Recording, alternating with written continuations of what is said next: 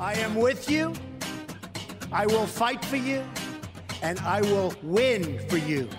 Folks, winning means uniting America, not sowing seeds of division and anger and hate. We got to beat Donald Trump, but we can't become like him. And we will make America great again. Joe Biden wordt de nieuwe Amerikaanse president, ook al wil de huidige president Donald Trump zich nog niet bij de uitslag neerleggen. Deze Holland-Amerika-lijn blikken we terug op de afgelopen verkiezingen en vooruit op de roerige weken die Amerika te wachten staan. Mijn naam is Victor Pak en aan de andere kant zit Emiel Kossen. Hi Victor. Zo Emiel, ben je een beetje hersteld van een ongetwijfeld zeer hectische week, periode zelfs? Het was een lange zit, hè? Lang, lang wachten op de uitslag. Wisten we natuurlijk van tevoren. Maar uh, ja, hier in Washington was het uh, dagenlang uh, kijken naar de tv om, ja, om er mee te krijgen of er al een winnaar was. Nou, die kregen we uiteindelijk op zaterdag. maar toen wisten we eigenlijk ook wel dat Donald Trump zich niet zomaar zou gaan neerleggen bij die uitslag. Viel het ons nou uiteindelijk mee of tegen dat de uitslag er nou, na vier, vier dagen wachten was? We wisten dat dit een beetje uh, ging gebeuren als, er, um, ja, als het een spannende race zou worden. Dus als er een aantal swing states een, uh, een, een, een nipte overwinning zou komen voor een van de twee kandidaten, dan zou het lang gaan duren, omdat uh, die poststemmen nog moesten worden geteld. Ja, dat is precies wat er gebeurde. Florida ging naar Trump toe en daardoor hield hij een, een, kans op het presidentschap. en in die staten daarna, in, in vrijwel alle swing states, was het zo spannend ja, dat, dat in sommige gevallen zijn we nu nog steeds aan het wachten op wie nou precies heeft gewonnen in die staten. En dus was het eigenlijk wat dat betreft vrij logisch dat het duurde tot, tot vrijdag, tot zaterdag, voordat we echt wisten wie, wie had gewonnen. En dat was dus Joe Biden. Ja, wij gaan er in deze podcast en in de artikelen die we schrijven vanuit dat Biden president is. Op sociale media wordt daar soms best wel fel op gereageerd dat wij als Elsevier Weekblad al opschrijven dat Biden president gaat worden. Kan jij ons eens uitleggen waarom wij die lijn hanteren? Waarom vinden wij dat Biden president gaat worden? Nou ja, wat de Trump-aanhangers zeggen, uh, dat is wel belangrijk om, om uh, te bedenken. Uh, de Trump-aanhangers in Amerika zeggen, de stemmen zijn nog niet echt um, officieel geteld. er zijn heel veel stemmen geteld, maar dat resultaat moet nog officieel worden gecertificeerd door de staten. dat is ook zo. dat, dat gebeurt in elke staat op een andere dag, eind november, begin december. Normaal gesproken is dat een formaliteit. ja, dat is deze keer iets anders, in ieder geval in de ogen van, van het Trump-kamp omdat zij denken dat ze um, de uitslagen nog kunnen gaan aanvechten. Um, waarom uh, wij en vele andere media nou zeggen dat Joe Biden heeft gewonnen, is omdat uh, ja, in, in vrijwel al die staten zijn 99% van de stemmen geteld. En um, normaal gesproken gaat dat, uh, gaat dat volgens de regels. En uit, uit, die uitslagen blijkt duidelijk dat, dat Joe Biden heeft gewonnen. Het is niet close wat betreft het aantal kiesmannen. En uh, ja, vandaar dat, dat vrijwel niemand in uh, de, de mediawereld nog zegt dat, uh, dat Trump een kans heeft überhaupt. Toch gaat Trump alles aanvechten. Daar gaan we het straks even over hebben. Laten we eerst even terugblikken op de campagne en op de verkiezingen zelf uiteindelijk. De verkiezingen hebben allerlei historische records gebroken. Een gigantische opkomst. Zowel Biden heeft een gigantisch aantal stemmen behaald, ruim 74,5 miljoen, als Trump, die volgens mij al boven de 71 miljoen zit.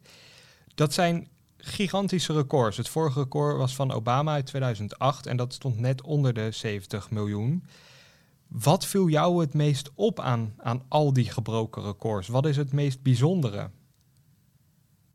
Nou, ik weet niet of het het meest bijzonder is, maar er zijn er zoveel. Ik weet niet of we die echt in een, uh, in een ranglijst moeten zetten. Maar um, ja, het feit dat te midden van een, een, pandemie, een wereldwijde pandemie, zoveel mensen gaan stemmen, uh, naar verwachting uiteindelijk meer dan 150 miljoen. Uh, ja, dat is natuurlijk een gigantische, gigantische opkomst.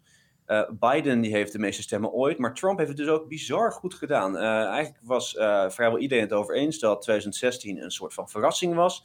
dat Trump geluk had gehad dat hij Hillary Clinton had verslagen en dat hij ongeveer alle mogelijke kiezers wel had aangetrokken. Ja, dat blijkt dus in, in 2020 niet waar te zijn. bij een verkiezing waar die opkomst dus heel erg hoog is, kreeg Donald Trump ja, meer dan 70 miljoen stemmen. Uh, en dat is ook meer dan elke andere kandidaat uh, in die historie, behalve Joe Biden. In Elsevier Weekblad, dat nu in de winkels ligt, uh, heb je een stuk geschreven met 50 allerlei opvallende zaken van deze verkiezingen. Naast die hoge opkomst vielen jou dus nog 49 andere zaken op. Heb je daar een voorbeeld van? nou, laten we maar beginnen met de belangrijkste reden waarom Biden uiteindelijk won. Dat was omdat hij de Blue Wall weer heeft hersteld. dat zijn drie staten in het, in het noorden van Amerika en het Midwesten: Michigan, Wisconsin en Pennsylvania.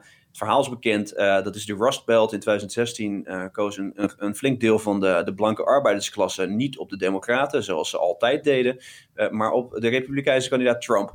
En um, ja, in 2020 deden nog steeds een hoop mensen dat, maar pakte Biden zo'n 5% van die blanke stemmen af. En ja, dat was genoeg om in die drie staten nipte overwinningen te behalen, die kiesman te pakken en uiteindelijk het presidentschap. Nou zeg jij, die Blue Wall is weer hersteld. Ik zeg dan Ohio. Een gezegde dat decennia lang opging was: As Ohio goes, so goes the nation. Ohio wist altijd de winnaar van de verkiezingen aan te wijzen, maar dit keer niet. Ohio zit in het kamp van Trump, maar Biden wordt president. Wat is eigenlijk jouw verklaring dat, dat uitgerekend Ohio niet hersteld is, niet in het kamp van de Democraten is gevallen? Nou ja, het is, het is een feit dat het Midwesten, uh, dus ook die staten waar Biden net won, uh, conservatiever aan het worden is, uh, zich meer richt op de Republikeinse Partij. En um, ja, de, de switch van Ohio is, is onderdeel van een geografische wisseling. Het Midwesten wordt dus meer republikeins, maar staat in het zuiden en in het westen, daar maken democraten meer kans dan voorheen. Dat zagen we deze keer in Georgia, dat zagen we in Arizona. En um, dat is denk ik een, een trend die je kan doortrekken naar de komende jaren. Staten als Ohio worden conservatiever, staten als Arizona ehm, en, en in dit geval Georgia, North Carolina, die worden uh, ja, ja, meer democratisch en dus meer een swing state. Je gaat dus zien, een, een term die vaak voorkomt voor die staten in het noorden is inderdaad de Rust Belt. Maar je hebt ook de Sun Belt, als het ware, de zuidelijke staten zoals Georgia, North Carolina. Maar ook een Arizona en een Nevada dat daar geloof ik ongeveer in zit. Het is een vrij breed begrip, zoals u misschien hoort als u naar de kaart van de Verenigde Staten kijkt. Vindt er nu een verschuiving plaats waarbij de Republikeinen van het zuiden naar het noorden hun winst gaan behalen, terwijl de Democraten juist vanuit dat oude noorden, waar ze traditioneel zo sterk waren, nu vooral zich op het zuiden gaan richten? Ja, dit is, dat is vooral aangedreven door een, eh, een demografische verandering uh, binnen die partijen. De Democraten waren altijd de partij van de arbeidersklasse. Joe Biden probeerde zich ook zo voor te stellen. Ehm, aan het Amerikaans publiek. Maar uh, Donald Trump deed het nog steeds goed onder de blanke uh, arbeidersklasse. En daarmee lijkt het dus een, een, ja, een, een vaststaand feit voor nu dat de Republikeinse Partij meer en meer de Partij van de Arbeiders wordt. En de Democratische Partij van de uh, elite aan de oostkust, aan de westkust. En minderheden in, in het zuiden. En die wonen daar veel. Er wonen veel Latino's bijvoorbeeld. Um, ja, dus die, die demografische verandering zorgt inderdaad voor dat de partijen hun aandacht gaan verleggen naar staten waarvan ja, een pakweg acht jaar geleden we zouden zeggen, nou, dat is duidelijk een republikeinse staat, duidelijk een democratische staat. Uh, ja, die wisseling, daar zitten we middenin. In die wisseling valt ook op dat in die, die verschuiving van de Democratische Partij weg bij de arbeider, slaan ze vooral hun slag in de suburbs. Jij noemt uh, elite aan de oost- en westkust maar ook in andere grote steden. Vooral in de buitenste ring om die steden heen, de, de Finex-wijken, de voorsteden als het ware, daar slaan de democraten echt hun slag. Hè? Dat zijn vaak hoger opgeleide mensen die daar wonen, die eerder altijd republikein stemden, maar onder Trump echt massaal ja, weg zijn bij de partij. Als we, als we vooruit zouden kijken, waar verwacht jij dat die, die trend uiteindelijk naartoe gaat leiden? Gaat de hele electorale map, zoals dat heet in, uh, in goed Nederlands, veranderen? Nou ja, je ziet in een staat als Virginia bijvoorbeeld dat dat al is gebeurd. Um, Virginia was uh, overwegend conservatief. Maar het aantal mensen in uh, de voorsteden, en dat is dan vlak in de buurt van Washington, dat is zo hard toegenomen. Dat um, ja, die staat eigenlijk nu uh, ja, gewoon blauw is. Gewoon voor de Democraten is. Maar het is eigenlijk helemaal niet gewoon. Acht jaar geleden was dat nog een, een moeilijke staat voor de Democraten. Um, dat gaat gebeuren op plekken waar ja, het aantal inwoners snel stijgt. Uh, tegelijkertijd zijn er ook tal van staten waar um, Trump het vrij goed deed in de suburbs. En daarom is er op landelijk niveau uh, nog niet zoveel aan de hand voor de Republikeinen. Het was ongeveer 50-50. Uh, dus dat is interessant. Het wisselt per staat. Het ligt heel erg aan hoe groot de mensenmassa is rond een stad. Want het verschil tussen stad en platteland is wel heel groot. bijna iedereen in een stad stemt de Democraat. bijna iedereen op het platteland stemt op de Republikein. En um, ja, de, de, wat ik zeg, die grootte van de voorsteden, die, uh, die is wat dat betreft bepalend. wat ik graag van jou wil weten, Victor, wat, wat vond jij nou het meest opvallend? Dat vind ik een lastige vraag. Het meest, denk ik, waar ik naar kijk is, en dat heb ik volgens mij in de vorige podcast al een soort van aangekondigd, die Senaat, de race om de Senaat en ook wel de race om het Huis van Afgevaardigden, was veel spannender dan we hadden gedacht. Democraten hebben eigenlijk verloren. Dat kunnen we nog niet helemaal zo zeggen, omdat de race om de Senaat pas op 5 januari wordt beslist en de Democraten in het Huis van Afgevaardigden hun meerderheid hebben behouden. Maar iedereen ging ervan uit dat die Democraten dat Huis van Afgevaardigden echt dik zouden winnen. Ze zouden hun meerderheid daar gaan uitbreiden. En dat blijkt niet het geval. Sterker nog, ze hebben in Californië toch wel een soort helstaat voor veel Democraten zetels verloren aan de Republikeinen. En in Texas hebben ze er geen enkele afgepakt van, van de Republikeinen, terwijl ze dat zo graag hadden gehoopt. Veel gematigde democraten die klagen eigenlijk over die teleurstellende resultaten. Ze zeggen vooral dat de progressieve vleugel van de partij het verpest heeft. Door slogans als defund de police te gebruiken, vinden ze dat ze gematigde kiezers hebben weggejaagd. En ik denk dat dat een soort voorteken is van het presidentschap van Biden, waarbij je dus een progressieve vleugel hebt die heel erg andere dingen wil dan de, de gematigde groep binnen de partij. En dat kan nog wel eens voor een hoop ellende zorgen, verwacht ik. Vooral omdat ze dus een kleine meerderheid hebben in dat Huis van Afgevaardigden. Ja, volgens mij toont het ook aan dat Biden echt een soort uh, tussenpauze, uh, als een tussenpauze beschouwt door Amerikanen. Ze zagen Donald Trump als presidentskandidaat niet meer zitten. Uh, veel te veel gedoe. Joe Biden kon dat nog net. Maar ja, die, linker, die linkerflank van de partij, die, ehm, ja, die lijkt ver weg te zitten van wat de gemiddelde Amerikaan wil. Uh, en dat, dat zagen we terug in heel veel races in het huis en inderdaad in de Senaat. Waar vooral, uh, wat mij opviel, de peilingen er heel erg naast zaten. Het was niet voor niks dat we dachten dat het zou gaan gebeuren. Dat de Democraten bijvoorbeeld de Senaat zouden overnemen. Dat kwam omdat peilingen de democratische kandidaten in, in tig staten hele goede kansen gaven. Van South Carolina tot Texas tot, nou ja, tot Georgia. In al die staten is het niet gebeurd. Um, en ja, dat is eigenlijk een, een nieuwe fout van uh, de opiniepeilers, die er natuurlijk in 2016 ook al flink naast zaten. Weet jij nou wat daar is misgegaan in die opiniepeilingen? Ik heb het wel geprobeerd uit te vogelen, maar ik kan er zelf niet echt mijn vinger op leggen. Wat, wat hebben de peilers over het hoofd gezien dit keer?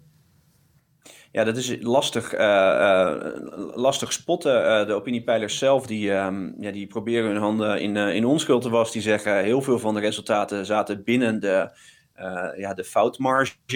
Maar ja, dat kan je moeilijk verdedigen als, um, als in een staat als South Carolina... waar Lindsey Graham, de senator, uiteindelijk herverkiezing won met 10 procentpunten verschil... Uh, ja, de peilingen zeiden de hele tijd dat dat een spannende race zou worden. Dat kan je eigenlijk niet, uh, niet, niet zomaar wegdoen door te zeggen: ja, het zat in, binnen de marge van, uh, ja, binnen de, binnen de foutmarge, omdat die 10% is.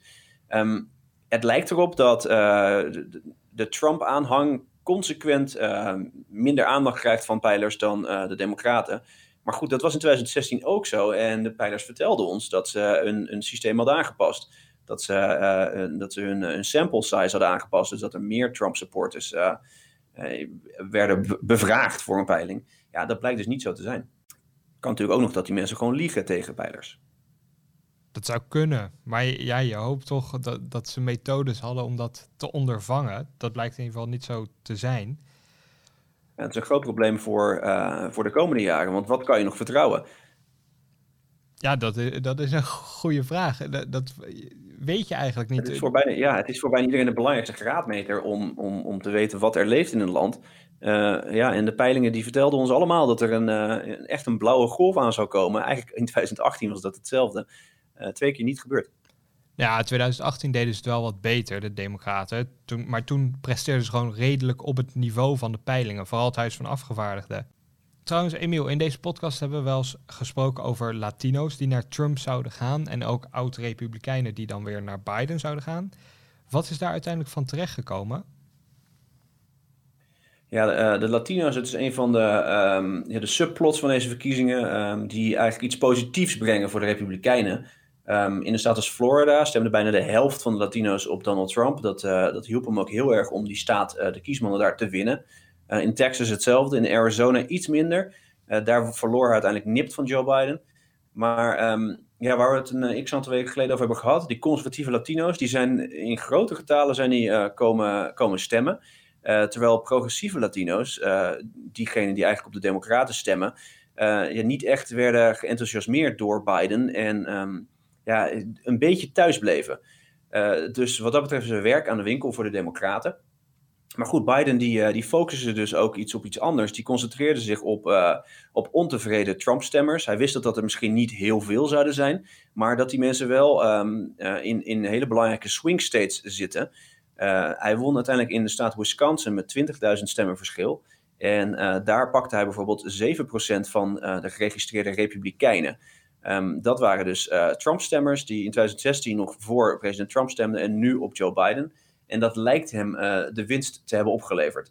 Dus uh, wat dat betreft, uh, die, die twee partijen hebben in al de resultaten een hele hoop positieve en negatieve punten. En je kan de hele tijd doorgaan, doorgaan pluizen.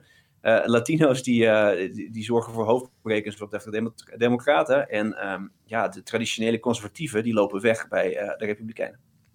De belangrijkste vraag die ik erover heb is eigenlijk ook wel dat de aanhang van Trump dus veel groter is dan gedacht dan voorspeld. En wat gaat nu het effect zijn op de Republikeinse Partij? Want Trump is, nou ja, niet here to stay, want hij heeft verloren. Maar het lijkt erop dat hij wel heel graag toch wil blijven. Ja, de Republikeinen zitten in een lastig uh, parket nu. Ehm, Trump wil niet verdwijnen uh, en heeft inderdaad een hele hoop stemmen verzameld. En heeft daardoor een claim op de leiderschapspositie uh, van die partij. Um, het is even afwachten wat er gaat gebeuren. Uh, op het moment willen Republikeinse senatoren uh, Trump niet, uh, niet afvallen. Er zijn maar een x-aantal, een handjevol senatoren die Biden überhaupt hebben gefeliciteerd met zijn overwinning. Um, ja, dat kan over een paar maanden heel anders zijn als Trump echt heeft verloren en het podium heeft verlaten. Maar goed, Trump heeft, heeft de regels wel vaker veranderd. En dus is hij misschien wel een van de verliezers die wel blijft hangen. Want normaal gesproken zegt de geschiedenis de verliezer die verdwijnt. Uh, kijk maar naar Hillary Clinton, uh, die in 2016 verloor en daarna ja, algemeen werd gezien als de slechtste presidentkandidaat ooit. Een beetje overdreven, maar goed, Trump moet maar zien te, voor elkaar zien te krijgen dat het bij hem niet gebeurt. Trump is nog hartstikke strijdvaardig. Laten we even luisteren naar de president vlak nadat de eerste uitslagen gecallt werden. If you count the legal votes, I easily win. If you count the illegal votes, they can try to steal the election from us.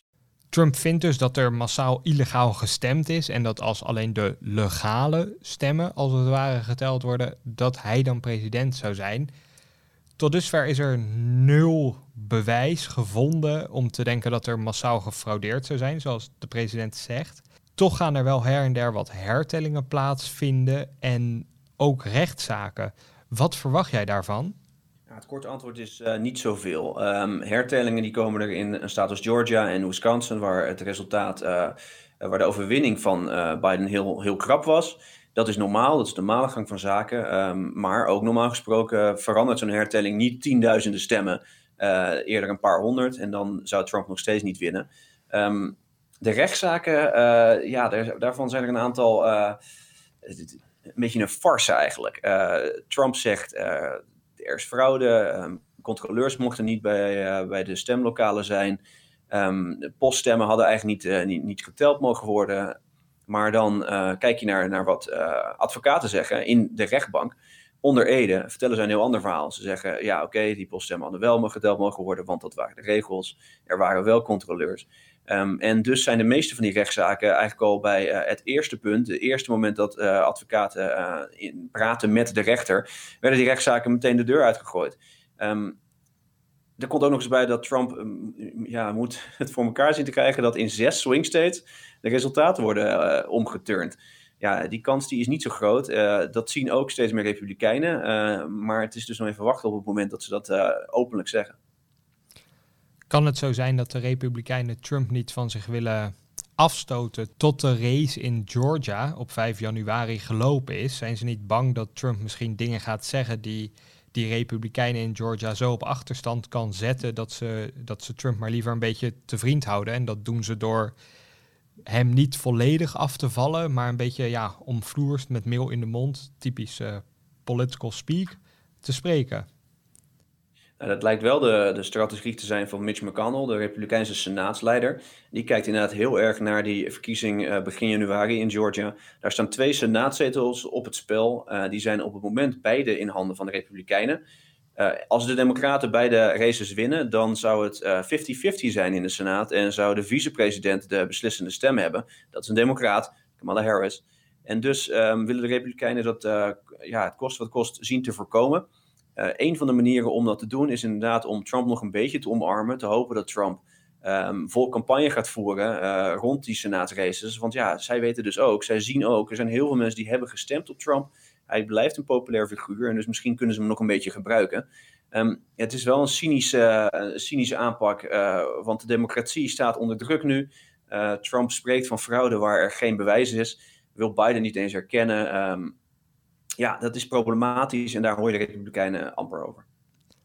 Moeten we ons daar veel zorgen om maken? Je ziet soms uh, liberaal, links-progressieve stemmen echt claimen dat Trump bezig is aan een staatsgreep die dan misschien wel gaat mislukken, maar hij probeert het wel. Hoe kijk jij daarnaar? Nou, staatsgreep gaat veel te ver, een koep gaat veel te ver. Dat is uh, inderdaad wat je, wat je hoort op links. Um, bij sommige mensen. Nee, ja, Trump die, um, die kan gewoon niet verliezen. Uh, opgeven zit niet in zijn karakter. Uh, ik denk niet dat hij echt een idee heeft hoe die hoe hij deze verkiezing nog zou kunnen winnen op een legale wijze. Ik denk niet dat hij op, zoek gaat naar manieren om op een hele andere manier aan de macht te blijven. Maar opgeven, dat zie ik hem niet doen. En dus kan je in een situatie komen waar Trump tegen iedereen zegt dat hij eigenlijk niet heeft verloren. Maar op 20 januari wel gewoon het Witte Huis verlaat. Dat is te hopen. dat lijkt me de groot, daar lijkt me de grootste kans op. Het lijkt me niet dat hij het, het, het, leger gaat inroepen voor een militaire coup of iets in die richting. Dat is veel te, veel te overdreven gesteld. Op 20 januari krijgt Joe Biden dus de sleutels van het Witte Huis. Nadat bekend werd dat hij gewonnen had, sprak hij het land toe. For all those of you who voted for President Trump, I understand the disappointment tonight. I've lost a couple times myself, but now let's give each other a chance. It's time to put away the harsh rhetoric lower the temperature, see each other again, listen to each other again. And to make progress, we have to stop treating our opponents as our enemies. They are not our enemies, they are Americans. They're Americans.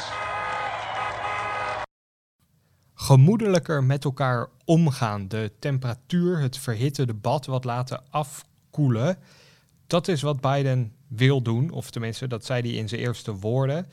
Laten we het even hebben over wat Biden echt wil gaan doen als hij president eenmaal is. Wat zijn plannen zijn um, en wat hem misschien gaat lukken of wat hem nog een zware dobber wordt voor, voor Biden en de Democraten.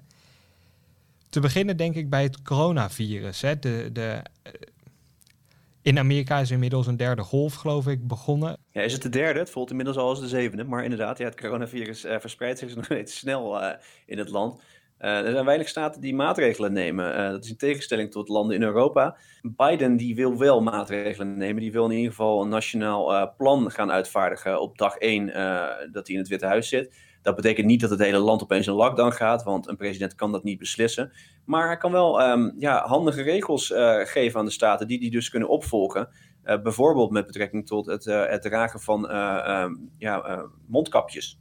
Ook gaat hij zich denk ik richten op economisch herstel. De economie draaide hartstikke goed tot het coronavirus er kwam. Hoe wil Biden dat allemaal gaan vormgeven? Nou, het meest nijpende probleem nu is dat um, de staten uh, in, grote uh, geldnood zitten. Um, omdat het coronavirus de economie heeft geraakt en de belastinginkomsten uh, zwaar tegenvallen. Um, nou ja, er wordt al maanden over gesproken in Washington om, om federaal geld naar de staten te sturen. Omdat anderen misschien wel anders misschien staat wel verhit kunnen gaan. Dat wil Biden aanpakken. Hij hoopt eigenlijk nog dat dat, dat gebeurt in een lame duck session. Dat zijn, dat zijn de senaten in het huis tot 20 januari. Um, als dat niet gebeurt, dan is het aan Joe Biden om, ja, om de partij bij elkaar te krijgen en een groot stimuluspakket voor elkaar te krijgen. Dat is dus geld voor staten en waarschijnlijk ook ja, voor, um, voor mensen die hun baan zijn kwijtgeraakt en dat soort zaken. De nood is het hoogst wat betreft het coronavirus en de economie. Als we iets verder kijken, de horizon wat verder leggen, dan wat kunnen we dan verwachten van de president? Ja, en dan wordt het lastig. Um, het coronavirus aanpakken, daar zijn de twee partijen het over eens. Maar um, eigenlijk alle andere uh, prioriteiten van Biden, um, ja, daar gaan de Republikeinen niet zomaar in mee.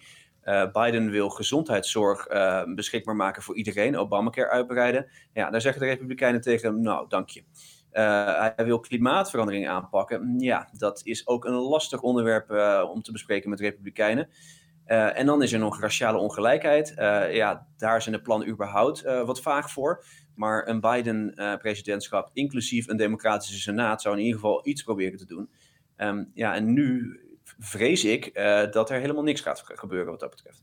Zo kan zijn presidentschap wel snel verzanden in politiek gedoe. Um, is er om een tegenwerping te doen, is er niet op het gebied van infrastructuur heel veel kansen voor Biden? Kan hij daar niet zijn kans grijpen? De Amerikaanse infrastructuur is gewoon verschrikkelijk slecht. Bidens vicepresident Kamala Harris komt uit California. Jij bent er laatst geweest. De infrastructurele staat van die staat is niet om over naar huis te schrijven. En dat is in nog veel meer Amerikaanse staten zo. Trump heeft altijd gezegd dat hij een keer met Infrastructure Week zou komen. Dat is er nooit echt van gekomen. Meer dan eens, ja. ja. Elke paar, elke paar weken werd dat voorgesteld. Infrastructure Week. Maar het kwam er nooit van, terwijl, ja, er moet echt iets gaan gebeuren. Tenminste, eh, Amerikaanse auto's rijden door wegen met gaten erin, bruggen staan op instorten. Spoorlijnen zijn zeer gebrekig, vliegvelden verouderd. Eh, het is een hele waslijst. Ja, het klinkt als een logisch onderwerp om aan te pakken, een logisch thema. Maar um, Biden gaat tegen dezelfde problemen aanlopen als waar Trump tegenaan liep. Trump wilde dit. Um, was eigenlijk een min of meer een democratisch plan. Wat hij voorstelde, uh, gewoon overheidsgeld er tegenaan gooien en uh, inderdaad bruggen, wegen, et cetera, um, repareren en verbeteren. De Republikeinen kwamen terug bij hem met een voorstel waarbij um, het zakenleven de, zou bepalen welke infrastructuurprojecten er zouden worden gedaan. ja, dan kom je dus uit op, op, op, op een snelweg tussen Washington en New York. Die wordt dan snel verbeterd en, en dan wordt de tol verhoogd. Maar dat zou niet helpen voor um, nou ja, een weg in, uh, in West Virginia ergens. Uiteindelijk is dat dus nergens gekomen. En uh, dat gaat Biden nu ook krijgen. Uh, de Republikeinen die, die dus niet willen dat er veel overheidsgeld naartoe gaat, maar dat bedrijven de rekening oppakken. terwijl de Democraten zeggen: laat de overheid nou alles aanpakken, zodat elk deel van het land ja, een, verbetering ziet in de infrastructuur. Maar ja, dat is ook weer een heel duur karwei.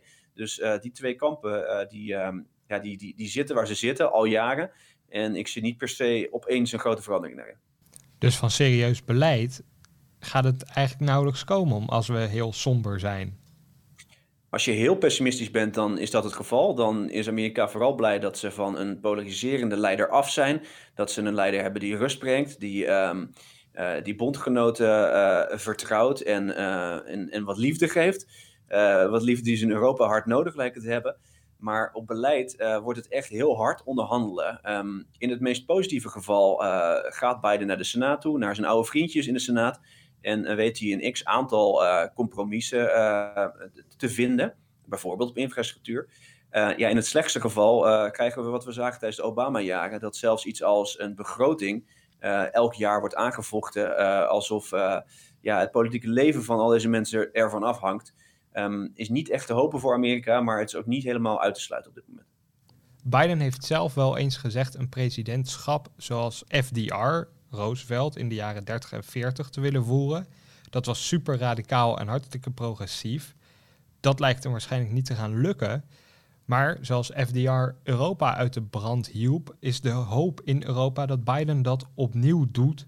Um, hij wil een conferentie houden samen met alle andere westerse democratieën Europa rekent erop dat ze wat liever behandeld worden, dat de NAVO-bijdrage die wij in Europa altijd toevallig vergeten te betalen, wat minder wordt benadrukt door de Amerikaanse president. Hoe verwacht jij dat die verhoudingen gaan lopen? Nee, ik denk dat het allemaal klopt wat je zegt. De verhoudingen zullen wat beter worden, automatisch eigenlijk, omdat Joe Biden nou eenmaal um, ja, meer een beleid voor staat waar veel uh, mensen in Europa zich in kunnen vinden. Um, de NAVO wordt minder een onderwerp. Er, er, zijn gewoon minder frictiepunten.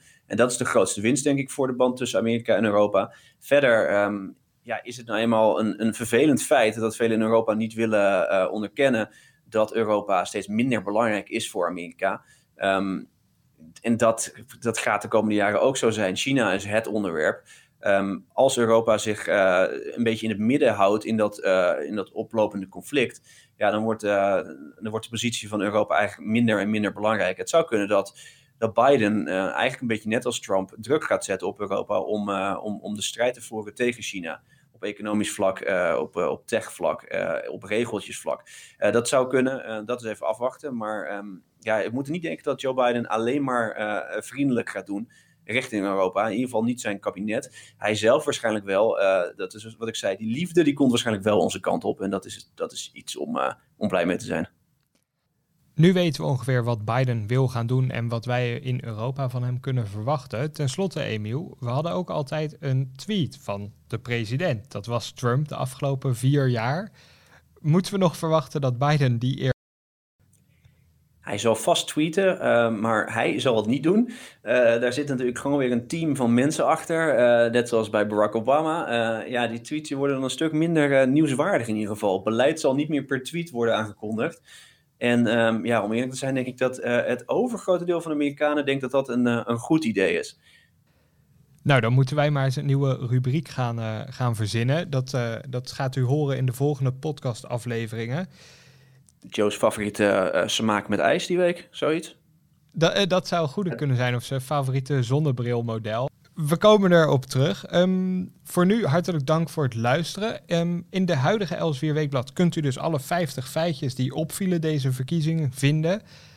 Daarnaast op de site staan er allerlei opiniestukken over de verkiezing van Biden en wat we van zijn beleid moeten gaan verwachten. Wij zijn binnenkort weer bij u terug. Wilt u die volgende aflevering vanzelf ontvangen? Vergeet u dan niet te abonneren op het kanaal van Elsevier Weekblad of de Holland-Amerika-lijn. Nogmaals bedankt voor het luisteren en tot de volgende keer.